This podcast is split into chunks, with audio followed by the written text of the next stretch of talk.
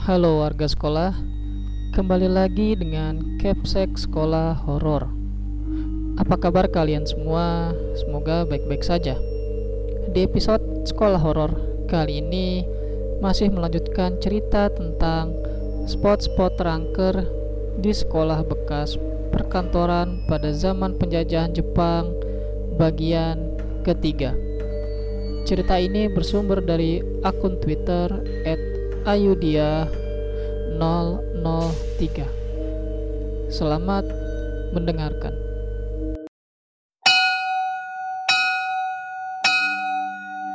Oke guys, kita lanjut ke cerita yang ketiga.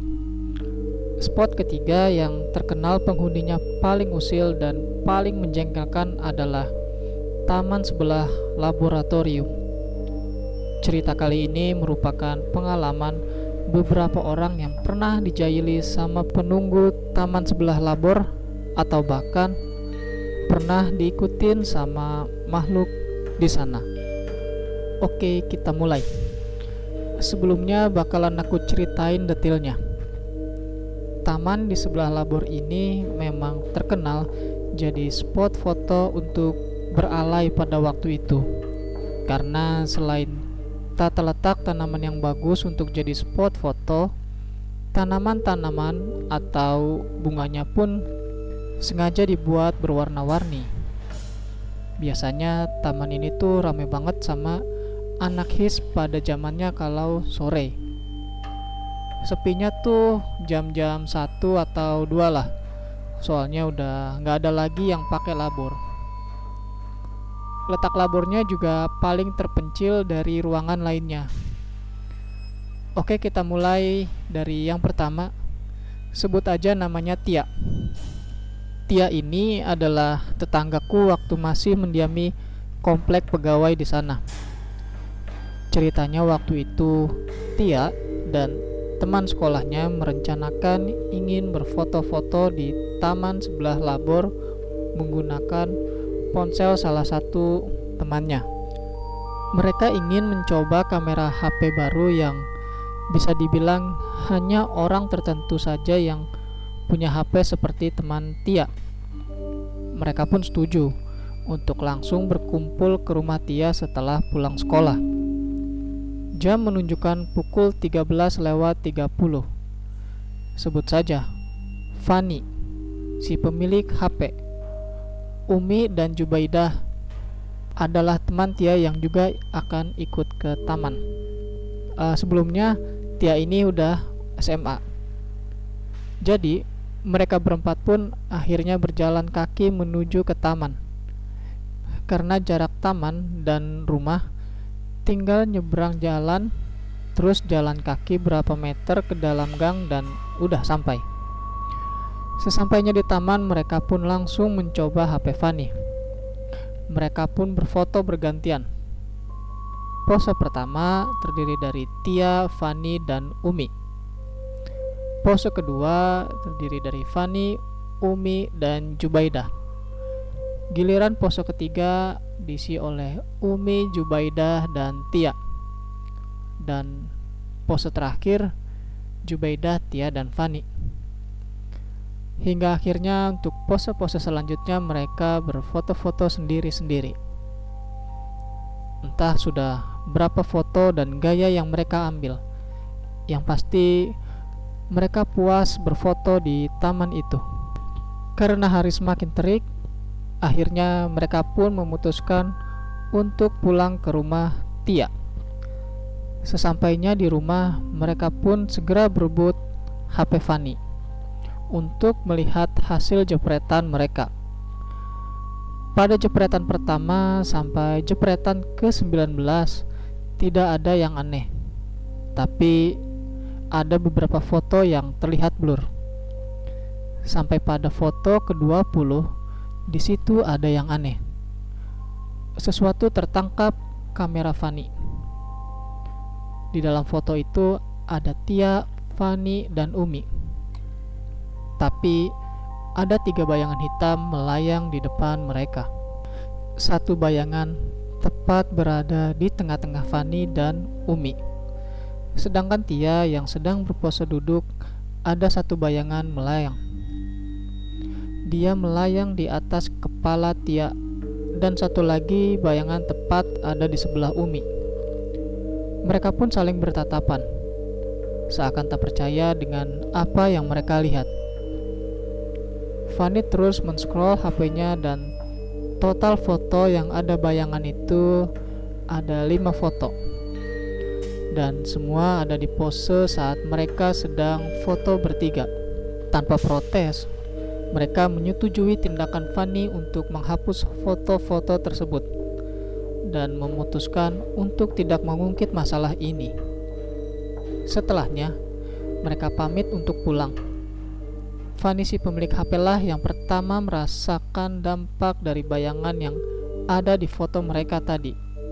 Sepulangnya dari rumah Tia, Fanny bergegas mandi dan berganti pakaian, mengingat hari juga sudah sore.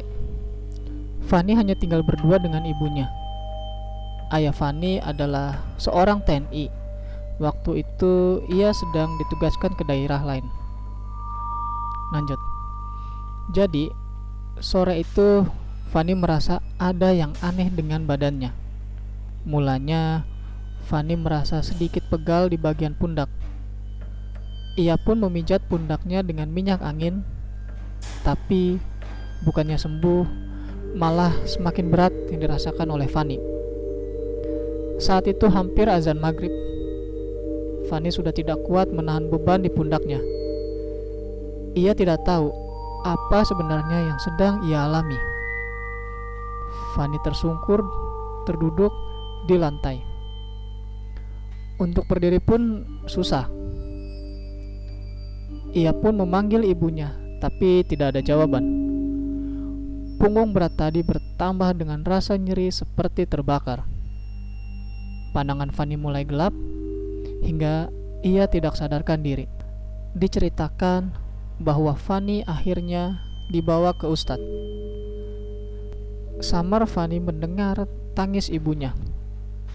Tapi Fanny betul-betul seperti tidak ada tenaga untuk berbicara ataupun untuk menggerakkan jari. Di sebelahnya, Fanny merasa ada seseorang yang memegang pundaknya. Di saat yang sama, terdengar teriakan Bismillahirrahmanirrahim Allahu Akbar Hentakan tangan tepat di punggung belakang Fanny Matanya langsung terbuka seketika dan ia baru sadar bahwa posisinya sedang duduk bersila. Ibu Fani pun segera memeluk Fani. Fani ternyata diikuti oleh makhluk yang ada di foto tersebut. Diceritakan kalau makhluk itu gak suka atas kehadiran mereka. Ditambah lagi, saat itu satu dari mereka ada yang sedang berhalangan. Lalu mereka tidak permisi untuk berfoto di sana. Terus mereka kurang sopan juga. Teriak-teriak, ketawa, dan bahkan merusak salah satu tanaman di situ. Yang mana tanaman itu sebenarnya adalah tempat tinggalnya. Jadi tuh makhluk gak suka. Jadi diikutin deh Akhirnya, saran dari Pak Ustadz adalah disuruh hapus saja semua foto mereka yang ada di taman itu. Fani pun menurut. Tapi ada yang aneh. Satu dari lima foto yang dihapus tadi adalah foto Fani, Tia, dan Umi yang ada bayangan tadi masih ada. Padahal Fani yakin kalau foto itu sudah dihapus. Nasib Tia sama Umi juga nggak kalah seram. Tia, sepulang teman-temannya dari rumahnya langsung drop.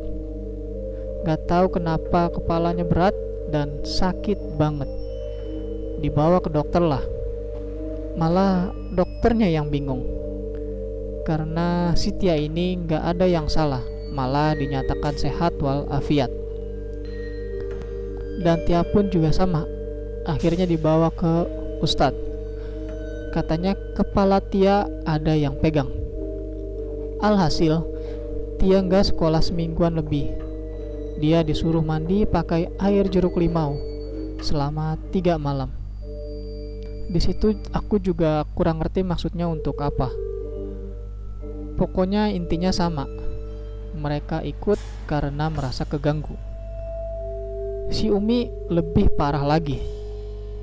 Ini keluarganya pada taat agama. Abinya itu ustadz juga. Awalnya mereka nggak percaya hal-hal kayak gitu.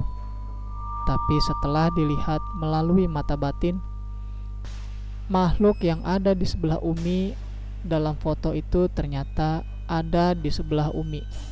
Dia kayak megang tangan Umi kenceng banget. Makanya Umi merasa tangannya berat sebelah. Terus waktu dilihat udah ada cap tangan dong, merah gede gitu. Seremnya tuh makhluk ngikutin karena senang sama Umi. Dia nggak mau lepas, meski udah berapa kali abinya ini bujuk itu makhluk. Entah apa yang abinya lakuin hingga akhirnya itu makhluk lepas. Tentunya dengan segala jenis usaha. Aku nggak begitu tahu detailnya karena nggak lihat langsung. Nah, inti dari ketiga cerita di atas memang taman itu juga salah satu objek berhantu dan paling eksis penunggunya. Dan juga ternyata sebelum ada taman itu di sana dulu tuh ternyata sebuah rumah. Semacam rumah penjaga sekolah gitu. Tapi udah 20 tahun gak ditinggali. Akhirnya dirubuhkanlah untuk dijadikan taman sama pihak sekolah. Urban legend yang beredar kenapa rumah itu dirubuhin dan dijadikan taman sebenarnya karena dulu salah satu penjaga sekolah terakhir yang tinggal di sana istrinya bunuh diri di sumur yang sekarang udah jadi semacam kolam buatan kecil di taman itu. Alasan dia bunuh diri karena dengar sebuah suara anak bayi dari dalam sumur. Waktu ditengok nggak ada tapi tahu-tahu istrinya udah masuk aja ke sumur. Ada yang bilang didorong sama jin penunggu di sana. Tapi emang bener sih, aku pernah lihat bekas fondasi rumahnya. Sebelum jadi taman, emang bangunan yang udah rubuh itu dibiarkan terbengkalai beberapa tahun. Itu ketika aku masih SD. Kalau dilihat sama orang biasa aja udah serem. Apalagi kalau anak indigo yang lihat pasti banyak banget jinnya. Makhluk yang jahilin Tia dan kawan-kawannya itu bentuknya yang pertama itu cewek. Jangkung banget. Terus yang kedua itu cowok berbulu manja yang ngintilin Umi dan yang ketiga itu sejenis hantu jeruk purut tapi ini beneran gak ada kepalanya. Cuma badan doang tanpa kepala. Dan ini yang ngikutin Tia. Sesudah kejadian di sana mereka nggak pernah lagi main atau bahkan lewat ke sana. Karena ya takut diikutin lagi. Mungkin itulah akhir ceritaku. Maafkan bila ceritanya berantakan atau kurang menarik. Namanya juga manusia tolong dimaafkan Terima kasih.